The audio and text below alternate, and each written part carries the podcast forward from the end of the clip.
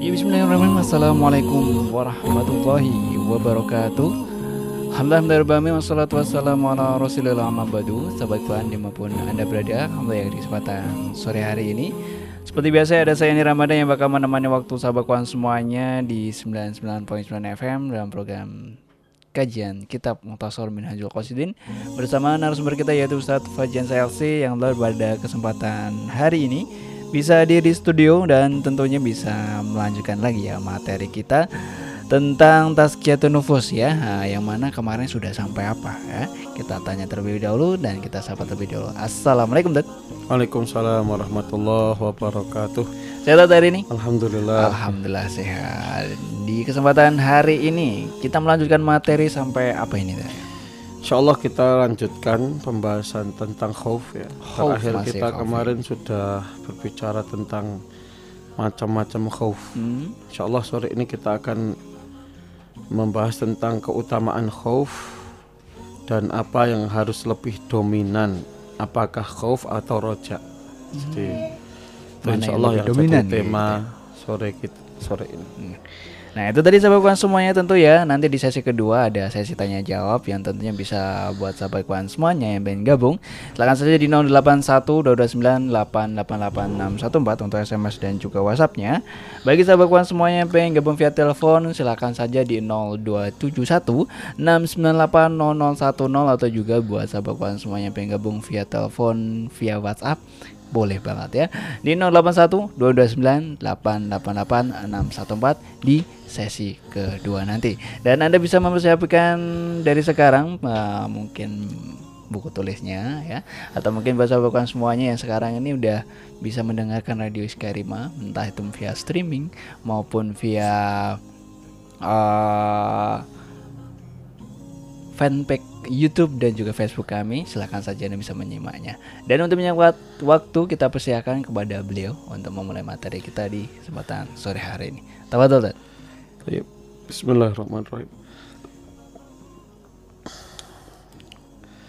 Alhamdulillah wassalatu wassalamu ala rasulillah wa ala alihi wa ashabihi wa mawalah Pendengar yang dirahmati Allah subhanahu wa ta'ala Sahabat Al-Quran di mana pun anda berada Terkhusus mungkin di daerah Wonogiri sekitarnya Karanganyar sekitarnya daerah Solo Raya ya Yang terjangkau oleh siaran Radio Iskarima. Alhamdulillah sore ini dengan izin Allah kita kembali dipertemukan uh, melalui radio yang kita cintai ini untuk kita terus menambah perbekalan kita, perbekalan berupa ilmu yang kita harapkan dengan ilmu tersebut melahirkan amal soleh. Taib. Insya Allah sore ini kita akan lanjutkan materi kita tentang khauf di mana sore ini kita sudah sampai pada bab pembahasan keutamaan khauf dan mana yang lebih dominan ya yang harus lebih dominan antara khauf dan roja karena sebelumnya kita sudah berbicara tentang ro roja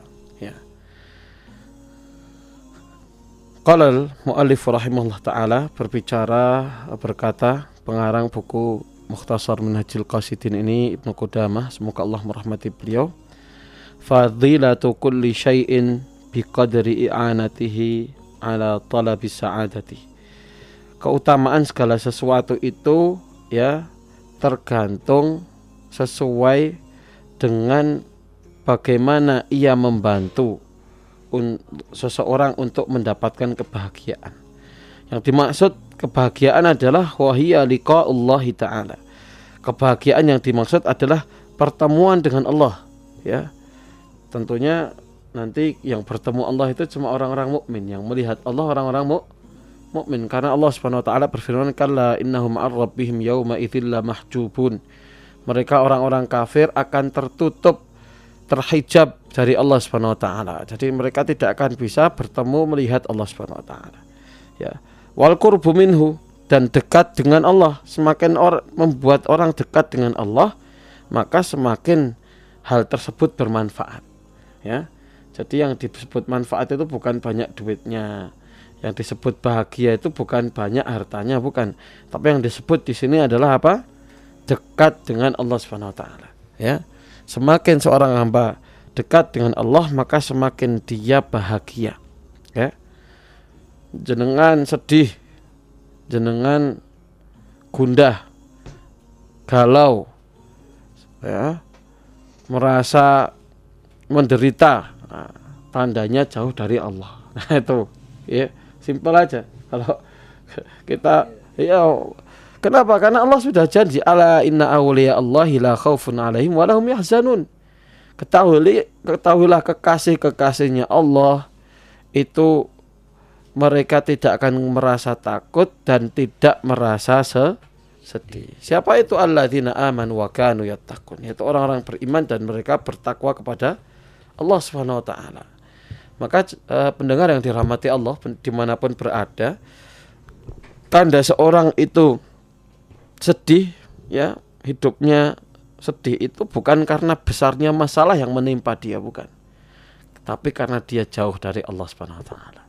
Karena ketika seorang dekat dengan Allah, dia yakin Allah akan bersama dia, akan membantu masalahnya, akan mengeluarkan dia dari apa yang dia yang menimpanya.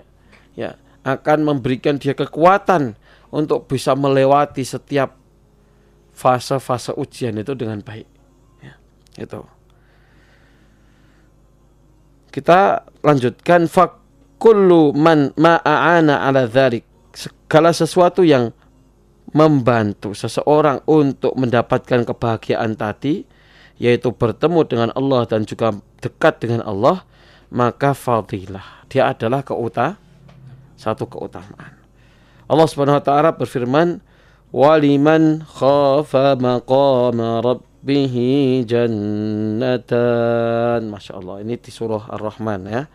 Ini surahnya surah ini harusnya familiar di kita ya. Karena insya Allah uh, surat ini surat yang yang cukup sering diviralkan ya. Dengan mahar surah ar-rahman. Padahal mahar itu harus sesuatu yang bermanfaat ya. Waliman khafa maqama rabbih jannatan bagi siapa yang takut kepada Allah subhanahu wa ta'ala takut kedudukan keagungan Allah Subhanahu wa taala jannatan maka baginya jannatani dua surga. Ya bukan satu tapi dua dua surga. Hmm? ya. Uh, bahkan uh, ada sebagian yang menyampaikan ayat ini ya sebagaimana disebutkan oleh Atta ya turun berkaitan dengan Abu Bakar As-Siddiq radhiyallahu anhu. Jadi pujian Allah kepada Abu Bakar As-Siddiq radhiyallahu anhu, beliau adalah seorang yang takut kepada Allah eh, azza wajal. Dalam tafsir Ibnu Katsir disebutkan ya, waliman khafa maqama rabbih jannatan. Jannatan min dhahab lil muqarrabin wa jannatan min warikin li ashabil yamin. Jadi surga yang seluruhnya bangunannya apa-apanya terbuat dari emas. Kita kalau di dunia ada ya berlapis saja bukan emas loh, berlapis tok itu. Sudah gumun. Oh, ada rumah berlapis emas. Sudah gumun. Apalagi kalau seluruhnya apa? Emas, ya. emas seperti apa? Masya Allah. Ini fadilahnya orang yang takut kepada Allah. Wakala ta'ala ya Allah juga berfirman radhiyallahu anhum wa radu an. Allah ridha kepada mereka dan mereka ridha kepada Allah. Dzalika liman khasyiya rabbah. Siapa yang enggak mau dapat ridha Allah kan? Ya. Ridha Allah itu kan tujuan paling tinggi dari kita. Kita kepingin Allah meridhai kita cara dapat ridha apa? Dzalika liman khasyiya rabbah. Bagi siapa? Mereka yang khasyia rabbah yang takut kepada Allah. Apa bedanya khauf sama raja? Khauf itu dasarnya ilmu. Eh apa raja khasyah itu dasarnya ilmu. Kan ada ada khasyah ada khauf. Jadi kalau khauf itu takut takut umum ya takut sama binatang itu ya khauf takut ular umpamanya, takut macan itu masuknya khauf ya. Tapi kalau khosyah itu khauf yang dibangun di atas il ilmu, bangunan ilmu. Seorang karena memiliki ilmu kemudian muncullah rasa takut dia kepada Allah Subhanahu wa taala. Maka Allah mengatakan innama yakhsyallaha min ibadihil ulama. Orang-orang yang bisa takut kepada Allah adalah para ula, ulama. Ya. Ini dua fadilah. Jadi tadi kita sudah sebutkan pertama mendapatkan dua surga. Kedua mendapatkan ridha Allah. Dalam hadis Rasulullah SAW menyebutkan dalam riwayat Imam Tabrani dari Ibnu Abbas radhiyallahu taala anhu ya meskipun sebagian ulama mentaifkannya tapi ini maknanya menguatkan menguatkan dalil umum yang kita tadi sudah sebutkan idzak idzak sya'arra jildul abdi min makhafatillah. Kalau seandainya kulit seseorang itu bergetar ya, kulit seseorang itu bergetar karena takut kepada Allah, tahanat anhu dzunubuhu. Maka dosa-dosanya akan berguguran. Kama yatahanat an anisyajarul yabisah warak warakoh warakuha seperti bergugurannya daun-daun yang kering dari dahan. Daun itu kan kalau kering dia jatuh sendiri. Tanpa harus dijatuhin udah jatuh sendiri nah seperti itulah kalau orang takut sama Allah itu dosa-dosanya rontok ya berguguran. Karena apa? Karena takutnya dia kepada Allah Subhanahu wa taala. Dalam hadis yang lain yang diriwayatkan oleh Imam Tabrani juga disebutkan lam lan yaghdaballah lan lan yaghdaballah ala man kana fihi makhafah. Allah tidak akan marah pada orang yang takut kepadanya, ya. Jadi kita kalau selama kita takut sama Allah, Allah itu tidak akan ya murka sama kita. Ya. Rasulullah SAW juga dalam hadis Qudsi menyebutkan kalau Allah Azza wa Jal ya berfirman Allah Azza wa Jal wa izzati wa jalali demi keagunganku keperkasaanku la ajma'u ala abdi khaufaini aku tidak akan mengumpulkan dalam diri seorang hamba dua rasa takut atau dua ketakutan. Wala ajma' lahu amnaini. Aku juga tidak akan mengumpulkan dua rasa aman. In aminani fit dunya. Kalau dia ngerasa aman dariku di dunia. Artinya ngerasa aman dariku itu apa? Enjoy.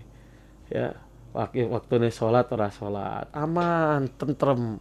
Tenang di dunia tenang. Kayak nggak ada tuntutan. Ya maksiat ya tenang kamu maksiat kamu ya biarin ya maksiat itu tenang di dunia nyantai ngapain aja udah ada istilah yang itu saya bilang salah besar apa kaprah. itu salah kaprah sultan mah bebas ya. ya dengar ya mas Andi ya iya, istilahnya iya, sultan mah bebas ini istilah yang ngawur tak bilang justru orang itu duitnya tambah banyak, tanggung jawabnya tambah besar. Ya. Yang ditanyakan di akhirat tambah besar. Sul nek bilang nek ini bahasa kasar ini, ini mohon maaf nih. Sultan mah bebas, gundulmu itu gundulmu bebas. Ya. Tambah kamu itu duitnya banyak, tambah amanahnya, hisapnya tambah berat. Lama juga gitu. Ya? Iya, tambah berat, tambah lama. Ya. Jangan dikira duitnya banyak enak itu kan. Orang kaya sama orang miskin itu jarak masuk surganya 500 tahun. Duluan orang miskin. Sama-sama orang kaya soleh, sama orang miskin soleh. Lah orang orang kaya yang nggak soleh gimana? Lipat kali. Tambah berat lagi gitu kan. Makanya jangan main-main dengan istilah. Ini istilah yang nggak perlu diviralkan. Sultan mah bebas itu. Nggak perlu diviralkan. Ini istilah yang salah kaprah yang menurut kami harus diluruskan. Ya. Jadi kata Allah kalau dia sudah ngerasa aman dariku di dunia, ya nggak punya rasa takut sama Allah, ya, nanti tuhu yaumal qiyamah, aku akan beri, buat dia takut di hari kiamat nanti. Ya Allah, ya. Milih di mana? Milih apa kita? Takut di dunia apa? Hah? Takut di akhirat. Ya. Kalau suruh milih ya jelas kita akan milih aman di akhirat, takut di dunia. Wa in khafani fit dunya. Kalau seorang hamba itu takut kepadaku di dunia, aman tuh yaumal qiyamah. Aku akan memberikan rasa aman baginya nanti di hari kiamat. Nah, kira-kira milih yang mana ini para pendengar yang dirahmati Allah nih? Ya. Para pendengar kira-kira milih yang aman di dunia ya Oh, malah dua-duanya tat. Aman dunia, aman akhirat. Enggak ada pilihannya, enggak ada cuma dua tok ini. Orang sukanya itu nawar gitu tuh, Mas. Enggak mungkin orang enggak orang mukmin tuh enggak takut di dunia itu enggak mungkin. Makanya orang mukmin itu mesti harus takut di dunia, khawatir akan nasibnya di akhirat, khawatir akan dosa-dosanya. Takut akan kesalahan kesal kesalahannya. Ya. Ini ya, ini, ini jelas sekali hadis ini jelas sekali hadis kudsi ini. Sangat tegas sekali menjelaskan. Kemudian dalam riwayat Ibnu Abbas radhiyallahu taala anhu dengan sanad yang sahih dari Nabi wasallam Rasulullah SAW bersabda ainani la tamassuhuman naru abadan dua mata yang tidak akan pernah tersentuh api neraka, nggak akan pernah melihat api neraka, masya Allah. Pengen nggak kita? Ya. Kalau kita minta sama Allah jangan sampai ya Allah mata saya ini melihat neraka, jangan sampai. Ya. Kalau bisa langsung melihatnya surga aja, jangan lihat neraka dulu. Ya, masya Allah. Yang pertama apa? Ainun bakat min khasyatillah, masya Allah mata yang menangis karena takut pada Allah Subhanahu wa taala. Ini mata yang tidak akan melihat air apa api neraka tadi. Ya. Wa ainun batat tahrusu fi sabilillah dan juga ain mata yang digunakan untuk berjaga di jalan Allah. Enggak tidur pos kamling ya, tapi bukan pos kamling sambil main remi atau sambil main catur. Pos kamlingnya di tempat perbatasan-perbatasan musuh. Kayak di Palestina ya di Gaza itu ada yang jaga ya. Di tempat-tempat di mana di situ rawan diserang oleh musuh Allah. Yang itu disebut ribat. Ribatu yaumin fisabilillah khairun minat dunia wa mafia ribat satu hari di jalan Allah itu lebih baik daripada dunia dan seisinya ya ini penting sekali. Kemudian kalau ditanya mana yang lebih utama al khauf atau raja? Ya, takut atau harapan? Maka eh, ada pertanyaan yang bagus. Ya, kalau ditanya mana yang lebih utama? Ya, nasi, minum atau makan?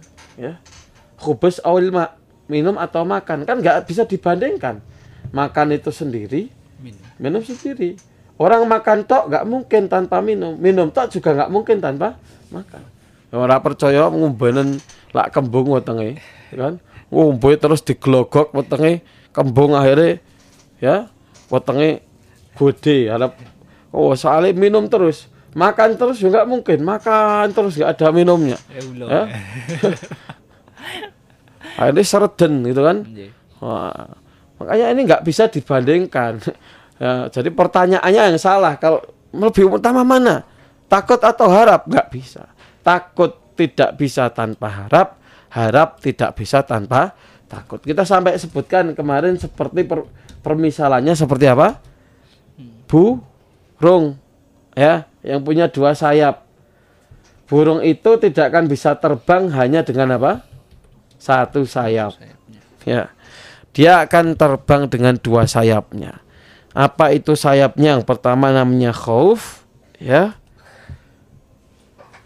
Yang kedua itu raja. Maka nanti akan diperinci. Kalau lebih utama mana? Kalau bagi orang yang haus ya utamanya apa? Udah kenyang nih, ngelak banget. Berarti dia butuh apa? Minum. Minum. Kalau orang lapar belum makan, disodori minum, ya sama aja. Ya, Yang dia butuhkan mah makan. Nah seperti itu. Jadi itu nanti tergantung kebutuhan setiap kondisional orang itu berbeda. Orang yang tadi ya orang itu terlalu enjoy, terlalu santai, ya nggak punya rasa salah. Nah kayak gini harus disentil rasa khaufnya, ya. Tapi kalau orang yang tadi adanya pesimis, takut terus, ya eh, susah melihat masa depan, nggak bisa menikmati dunia gitu kan, nggak bisa hidup sampai orang wani bojo gara-gara wedi mati gitu kan. Nah yang kayak gini harus disentil apa? Rojaknya. Jadi ya ya masing-masing punya apa? Punya kondisional sendiri yang berbeda dengan yang lain. Jadi nggak bisa dikebiah uyah ya. Kebiah uyah itu rojak lebih baik dari khauf atau sebaliknya. Ya, khauf lebih baik dari rojak, nggak bisa seperti itu. Ya, ma- ma- masing-masing memiliki kondisional yang ya berbeda dengan yang lain. Tapi kita sepakat dua-duanya tidak bisa dibandingkan karena dua-duanya saling melengkapi. Barakallahu fikum. Ini mungkin yang kita sampaikan sore ini nanti insya Allah setelah jeda kita akan ada tanya jawab ya dengan Mas Andi ya tentang materi yang kita bahas sore ini yang kita utamakan ya. Meskipun nanti ya tafadhol mau sharing yang lain tapi ya utamanya kalau bisa apa yang kita bahas sore ini supaya nyambung. Barakallahu fikum. Katan. Ya, saya kembalikan ke Mas Andi silahkan.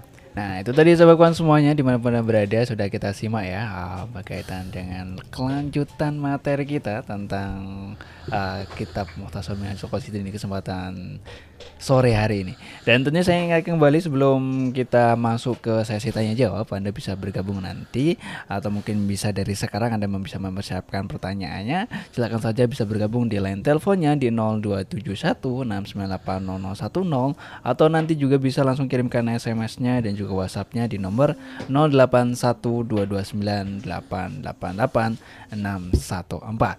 Dan jangan ke mana-mana kawan semuanya kita akan kembali lagi setelah yang berikut ini tetap di kajian Tazkiyatun Nufus bersama Ustadz Fajan Saelsi di 99.9 FM Radio Iskarima. Sahabat Anda belajar Al-Quran.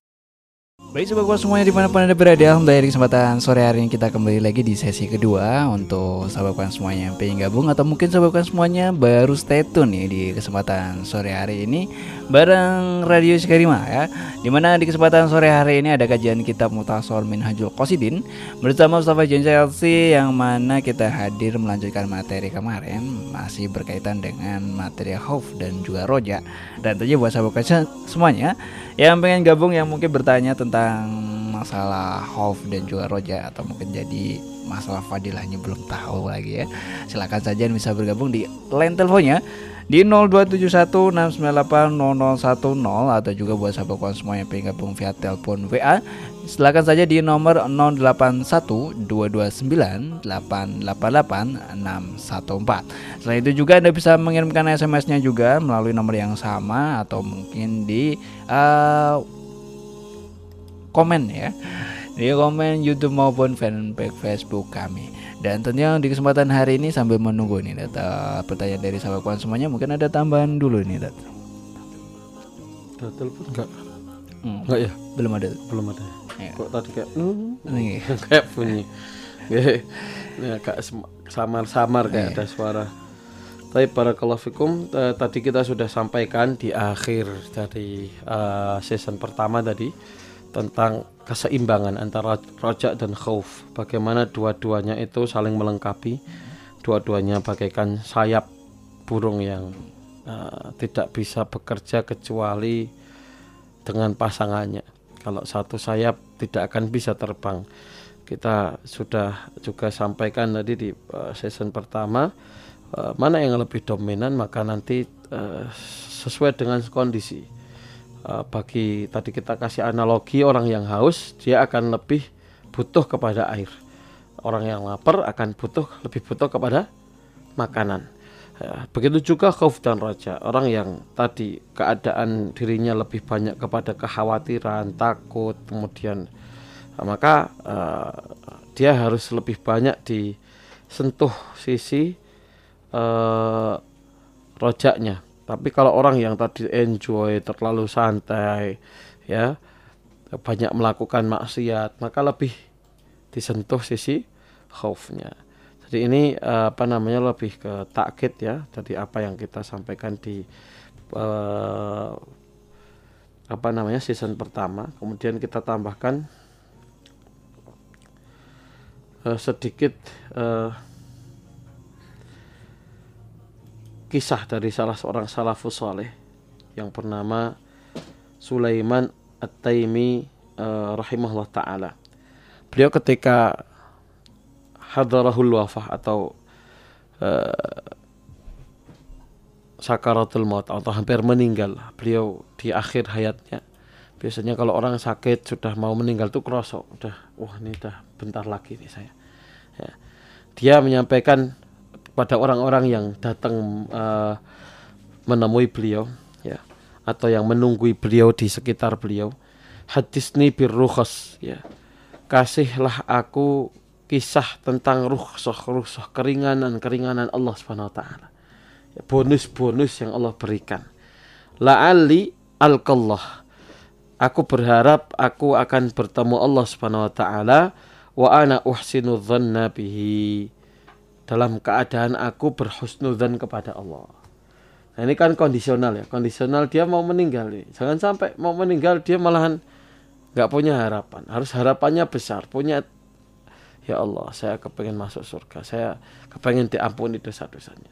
Maka beliau kepe ngomong sama orang-orang yang di sekitarnya, kisahkan padaku rukhsah-rukhsah yang Allah berikan, keringanan-keringanan yang Allah berikan, bonus-bonus yang Allah berikan, supaya saya lebih kuat uh, harapan saya dan supaya saya bisa berhusnudzan kepada Allah dan diwafatkan dalam keadaan berhusnudzan kepada Allah. Karena dalam hadis disebutkan la yamutanna ahadukum janganlah seseorang di antara kalian itu meninggal illa wa huwa bi billah kecuali dia dalam keadaan berhusnudzon kepada Allah memperbaiki prasangkanya kepada Allah Allah Taala. Itu itu mungkin uh, sedikit yang ditambahkan. Mungkin Mas Andi ada yang uh, bergabung? Ada belum yang ya? bergabung ya? Oh saya saya aja ini tuh. oh saya saya nah, bisa dibacakan dulu nggak apa-apa Fadol. Ada Ibu Yanti di Sukoharjo yang sudah mendengarkan di kesempatan sore hari ini dan juga ada Kak Munifa di Solo ya. hmm. ya Makasih emojinya dan juga ada Pak Abdullah di Boyolali. Assalamualaikum Tat, uh, ikut nyimak aja, semoga bermanfaat. Amin, gitu. Allahumma amin. Kemudian ini ada Mas Aldi nih di fanpage YouTube ini sudah bergabung juga ini Tata. Masya Allah. Tadi mana? Oh iya. Selamat aja dat Muhammad Salli ala Sayyidina Muhammad buat Rasulullah salam ya, ya. salam buat pendengar semuanya. Terima kasih buat Mas Waalaikumsalam ya. warahmatullahi ya, wabarakatuh. Nyimak ini dat monggo. Ya, yang yang lain mungkin boleh ya nanti hmm. sambil sambil nyapa sambil paling tidak ngasih tahu kita kalau oh ini ada yang di sini nih dengerin nih oh dari oh ternyata jauh dari Klaten ada hmm. yang di Boyolali ada yang di Semarang silahkan nanti bisa di apa namanya disapa informasikan ke kita. atau perkembangan mungkin uh, bagaimana kualitas ah, siarannya boleh ya, maksudnya disampaikan ke kita supaya jadi jadi masukan. Ini juga uh, info pada uh, apa namanya sahabat Al-Qur'an ini sudah berusaha lah insyaallah dari dari tim ini untuk terus memperbaiki ya Uh, lagi teknis nah, teknis itu sudah sudah masya Allah sudah oh, uh, kita ya. usahakan sebaik mungkin dengan terus memperbaiki kualitas ya. Tinggal kita terus berdoa mudah-mudahan Iskarima Radio Iskarima diberikan keistiqomahan untuk terus mengudara menemani dakwah Al-Qur'an sehingga insya Allah dakwah Al-Qur'an ini bisa tersebar ke seluruh pelosok Nusantara bahkan ke seluruh dunia. Barakallahu fikum. Ini ada tadi Mas Aldi tadi biasanya gabung via WhatsApp ini ya. itu ini. Udah lama juga ini Mas Aldi. Oh. Semoga sehat selalu ya Mas Aldi ya. Jadi buat sahabat semuanya jangan lupa ya buat yang pengen bertanya silakan saja Anda ya. bisa bergabung di kesempatan hari ini di SMS maupun WhatsAppnya yaitu di nomor 081 229 Dan ini sudah ada yang bergabung lagi nih, tetap ada Ummu Abdullah di Sragen. Eh, Assalamualaikum warahmatullahi wabarakatuh, Dad. Eh, Waalaikumsalam warahmatullahi wabarakatuh. eh, ini dua tema ya, Dad ya. Saya itu punya teman SMA, kebetulan beliau tuh belum ikut ngaji. Oh, nggih. Beliau itu mengalami gangguan. Eh, tetangganya itu pernah melihara anjing dan sekarang sudah tidak. Nih, oke. Tetapi teman saya itu tidak mau dekat dengan tetangga itu. Nah, teman saya itu merasa eh, kayak najis ya karena dekat dengan mungkin takutnya keendus anjing itu sendiri. Nah, untuk menghilangkan rasa was-was ini, ini gimana Tat? Ini Ya. Mohon bimbingannya. Ini temannya yang nggak ngaji itu ya, belum Iya, ngaji ya? belum Tuh, ngaji. ya. ya. Tapi merasa takut kena najisnya Iya. intinya itu. Jadi masya Allah ya, mu- ini Berarti ada rasa takut. Mungkin ada ya. khawatir meskipun tadi belum ngaji tapi jijik sama anjing karena memang kalau secara huk- hukum fikih anjing itu kan najisnya mughaladzah. Iya. Tapi kita tidak wajib membersihkan kecuali yang memang sudah jelas kita ketahui. Mamanya tadi jilat sesuatu udah jelas kita tahu di situ baru kita bersihkan.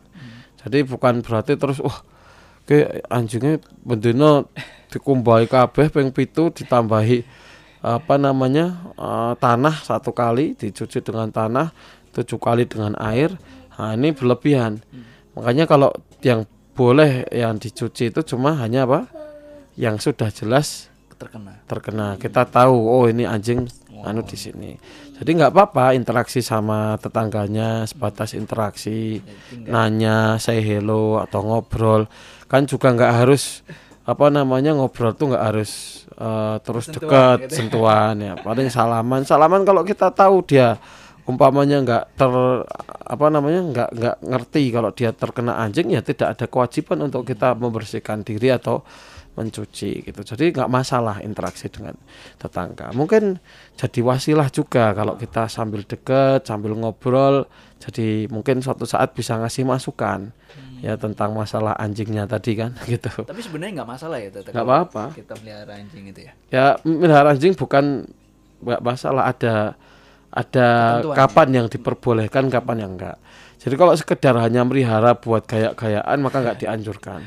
Jadi ya anjing itu kalau kita memang ada keperluan yang doruri untuk kita punya anjing ya boleh tapi dengan syarat memang anjing itu harus terdidik terlatih sehingga ya kalau anjing terdidik itu nggak sembarangan jilat apa pun nggak sembarangan ngasih najis dan juga ya akan eh, gunanya jelas seperti untuk berburu kalau zaman dulu atau untuk menjaga sesuatu kebun atau apa gitu jadi ya memang ada ada doabitnya dalam fikih lah tentang tentang masalah anjing ini jadi mungkin apa namanya nanti suatu saat bisa dibahas secara detail. lebih khusus lagi di fikih tapi jelasnya bukan haram secara mutlak meskipun di sana ada hadis yang menyebutkan Rasul, eh, malaikat itu tidak akan masuk ke rumah yang di situ ada anjing. Anjing. ya tapi bukan larangan secara mutlak. Jadi ada hal-hal yang memang diperbolehkan. Makanya dalam surah al-maidah disebutkan yas'alunaka madza uhilla lahum. Mereka bertanya kepada engkau ya Muhammad tentang apa yang dihalalkan bagi mereka? Ya kul uhilla lakumut thayyibat dihalalkan bagi kalian yang baik-baik. Ya kul uhilla lakumut thayyibat wa ma 'allamtum minal jawarihi mukallibin. Ya dan juga apa-apa yang diburu oleh anjing yang terlatih terdidik tadi. Ya tu'allimunahunna mimma 'allamakumullah. Kalian ajarkan anjing itu bagaimana memburu jadi kalau anjing itu kalau terdidik terlatih ya sekolah anjingnya ya dia ketika buru binatang itu dia tidak akan buru untuk dirinya tapi buru untuk tuh Tuan. tuannya. Ya makanya eh, yang buruan hasil buruannya itu meskipun ditemukan mati kalau anjing ini terlatih hukum apa buruan itu jadi halal. Hmm, gitu. Itu syaratnya tapi anjingnya apa? Mual mualam. Jadi terti, terlatih terdidik. Tentunya ya kita nggak bisa cuma sekedar melihara ditaruh depan. Ya harus ada trik-triknya. Kalau kayak di kepolisian itu kan ada anjing herder tuh ya. Mau suruh lari sana. Nurut dia. Suruh renang mau. Huh? suruh jengkelit dua kali mau. Suruh jangan maju dia nggak akan maju. Gitu. Jadi itu kalau anjing sudah terlatih seperti itu dia nggak akan mungkin jilat halal yang sesuatu yang dia tidak diperbolehkan sama tuannya. Gitu ya. Gitu. Jadi intinya nggak jangan sampai ada rasa-rasa itu ya was-wasnya tadi. ya makanya sampai ada ada ungkapan anjingnya fulan. Anjingnya fulan itu artinya apa? Ya suruhannya. Oh gitu ya. itu kenapa? Karena saking tak manutnya anjing itu sama tuannya. Kalau dia memang sudah terlatih. Ya. Gitu. ya sampai seperti itu anjing penjajah umpamanya. Karena suruhannya penjajah anteknya penjajah itu anjingnya penjajah. Karena manut ya. ya manut. Salah satunya nurut banget anjing itu kalau sudah terlatih. Jadi ya itu yang membuatkan menghilangkan kekhawatiran terhadap najisnya dan lain sebagainya karena anjing itu terlatih, Terlatih. Nah, tapi ini masih sampai mengalami gangguan gitu loh. Tat. gangguannya itu maksudnya apa di situ kan nggak jelas ya Bayang gitu loh. Tat. Terus Oh. akhirnya sampai pernah ke psikiater juga ini. Terus trauma gitu ya secara psikis ya mungkin eh, takutnya tuh ah nanti sholatku udah ini atau Ya. mungkin pakaianku udah aduh. Makanya diyakinkan, didudukkan secara ilmu, secara fikih, secara ilmu itu nggak masalah ketika dia memang tidak apa namanya tidak langsung tahu bahwasanya bagian dari pakaiannya atau tubuhnya terkena jilatan anjing gitu loh. Ya. Wong, kalau salaman sama orangnya kan orangnya bukan anjing, jadi salaman sama orangnya hukumnya hukum orang bukan hukum Iya. gitu. J- gitu. Jangan anjingnya. Jadi ya. kita menghukumi sesuatu dengan yang zahir. Kalau jelas jilat di situ ya bersihkan. Kalau enggak ya Iya. enggak usah dibersihkan. Enggak ada enggak ada bukti kalau anjing itu najisnya sampai ke barang atau sesuatu gitu kan. Hmm, berarti Kalau- intinya di di apa yang dilihat. Ya, kalau kita tahu dengan mungkin eh, jelas melihatnya atau mungkin sesuatu yang mengabarkan kita dengan orangnya jujur itu bo- baru kita mungkin membersihkannya. Tapi kalau nggak ada sebab apa-apa ya nggak usah terlalu was-was terus dicuci semuanya. Tadi kayak tadi ya dicuci kuabe Iya. ping pitu tambahi Apalagi tadi tanah, gitu kan? Hmm, tadi kan kayaknya belum mengaji juga ya. Ya.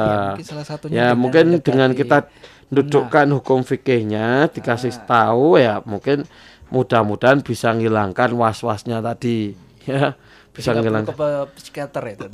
ya nggak perlu ke psikiater sarankan gitu ya. aja ngaji ya Mu Abdullah bisa nyarankan temannya ngaji mbak biar nanti ya ada solusi dari kekhawatirannya Hmm. kan bisa jadi mungkin dia takut juga sama anjing kan medeni gitu kan ber- berpura Iya. Mungkin pro anjing ya Eder tadi kayak gitu. ya Baik kita ada itu tadi ya buat Umo Abdullah di Seragen ya sudah bergabung di kesempatan hari ini sudah menjelaskan dan semoga nanti bisa ya memberikan nasihat yang lebih uh, paham lagi. Dan kita ke Banyu Anyar nih Tat ada Bu Indah. masya Allah Eh, Assalamualaikum Tat. Eh, Waalaikumsalam warahmatullahi wabarakatuh. Insyaallah Tat eh, saya bersama kru Radio Sukarima selalu dalam lindungan Allah SWT. Amin Allahumma amin.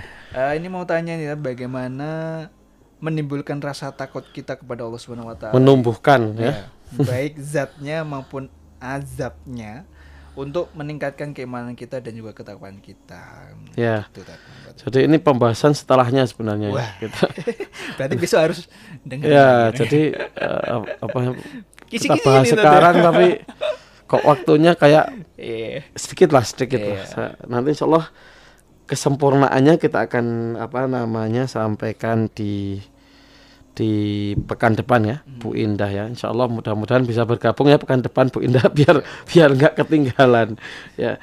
Jadi yang eh, kita sampaikan ya eh, rasa takut itu ya sulu bitorikain ya. Kata Ibnu Qudamah rasa takut itu akan kita dapatkan dengan dua cara ya yang pertama beliau menyebutkan satu permisalan anna sabiyya idza kana fi baitin. Seseorang uh, anak kecil, seorang anak kecil kalau dia di rumah fadakhala alaihi sab'un, kemudian masuk ke dalamnya rumah itu ada binatang buas ya. Au hayatun atau ular. Rubama lam yakhaf minhu. Bisa jadi anak kecilnya tidak takut. Bayi lihat ular malah eh, eh, eh, Arab dicekel. Padahal kalau yang lihat kita Nah, iya ya. jerit-jerit takut ya wah ulah ulah ulah ulah sak kampung dengar semua tapi kalau yang lihat anak kecil kenapa nggak takut Nah, jika dolanan ya. nah kenapa itu jawabannya Karena di ketidaktahuannya mungkin. ah Bukan. gitu ya jadi kenapa anak kecil tadi ketika dia apa namanya eh lihat ular tadi nggak takut ya eh karena salah satu alasannya ya eh, Ibnu Qudamah menyebutkan ya eh, karena salah satunya ada mumakrifatihi an dzalikal antil kalhaya. Anak kecil tadi nggak tahu, nggak ngerti kalau ular itu berbahaya. Jadi jawabannya Mas Andi tadi benar, ya. Karena dia nggak tahu. Ya. Makanya orang ketika mau takut harus didasari dulu apa il? Ilmu. Ilmu. Tadi ya. Hmm. Ya. Ini penting sekali. Ya. Khauf an ilm, ya. Takut karena kita tahu ilmunya. Ya. Tadi kalau orang nggak ngerti tadi kayak anak kecil tadi, ya, oh, padahal berbahaya sekali gitu kan kalau Santai umpamanya di gitu ya. Di gigit berbisa bisa mati gitu kan. Tapi anak itu nggak takut enjoy aja gitu kan. Kenapa? Karena nggak ngerti kalau itu binatang ber, berbahaya. Jadi sama kayak hantu itu yang sebenarnya nggak menakutkan. Kenapa kok jadi takut? Karena terus. Ah di- disampaikan wong deloki film terus film ya gambarin Oh. seperti ini ini ini, ini gitu. sundel bolong, mak lampir, ndelok film Gundi ya. suter ngesot. Akhirnya dia jadi bayangkan setiap lewat jalan ada ada kebun pisang, membayangkan ini pocong. Karena apa? Karena dia tuh selalu terniang-niang dengan apa yang dia lihat di mungkin di film atau di mana kalau di tempat kosong, tempat sepi di Gelap situ gitu ya. pohon pisang gelap itu ada pocong. Makanya itu yang bayangannya pocong terus. Nusa itu kenapa? Karena tadi ilmu yang terinstal di kepalanya itu salah gitu loh. Gitu. Makanya dia jadi takut dengan hal yang harusnya dia tidak ta- tidak takut. Gitu. Ini kisi-kisi ya. Insya Allah kita akan lanjutkan Bu Bu, Bu siapa? Bu, Bu Indah ya di per- pertemuan selanjutnya. Karena ini memang cukup panjang. Kalau mungkin sore ini kita bahas semua nggak cukup. Tapi insya Allah ini cukup membuat trigger ya, buat pancingan. Ya, nanti biar pekan depan tidak ketinggalan insya Allah. Barakallahu fikum. Masya Allah itu tadi ya paling enggak sahabat kalian semuanya tuh bisa tahu lah karena kita nggak tahu mungkin sebenarnya saat ini takut nggak sih sama Allah kayak gitu ya karena belum tahu ilmunya ya insya Allah pekan depan kita sangat kemudian ini ada Mbak Fitra di Sukoharjo masuk ke Mbak ya ini ya Alhamdulillah tat eh, sambil rihla sama keluarga nih Wah, di Masya Allah. Ini Oh, tinggal lurah nih, masya Allah. Iya. Ter- sambil lirah itu sambil dengerin radio Iskarima. Berarti memang mungkin banget itu mendengarkan di mana pun ya Mas Andi ya. Allah.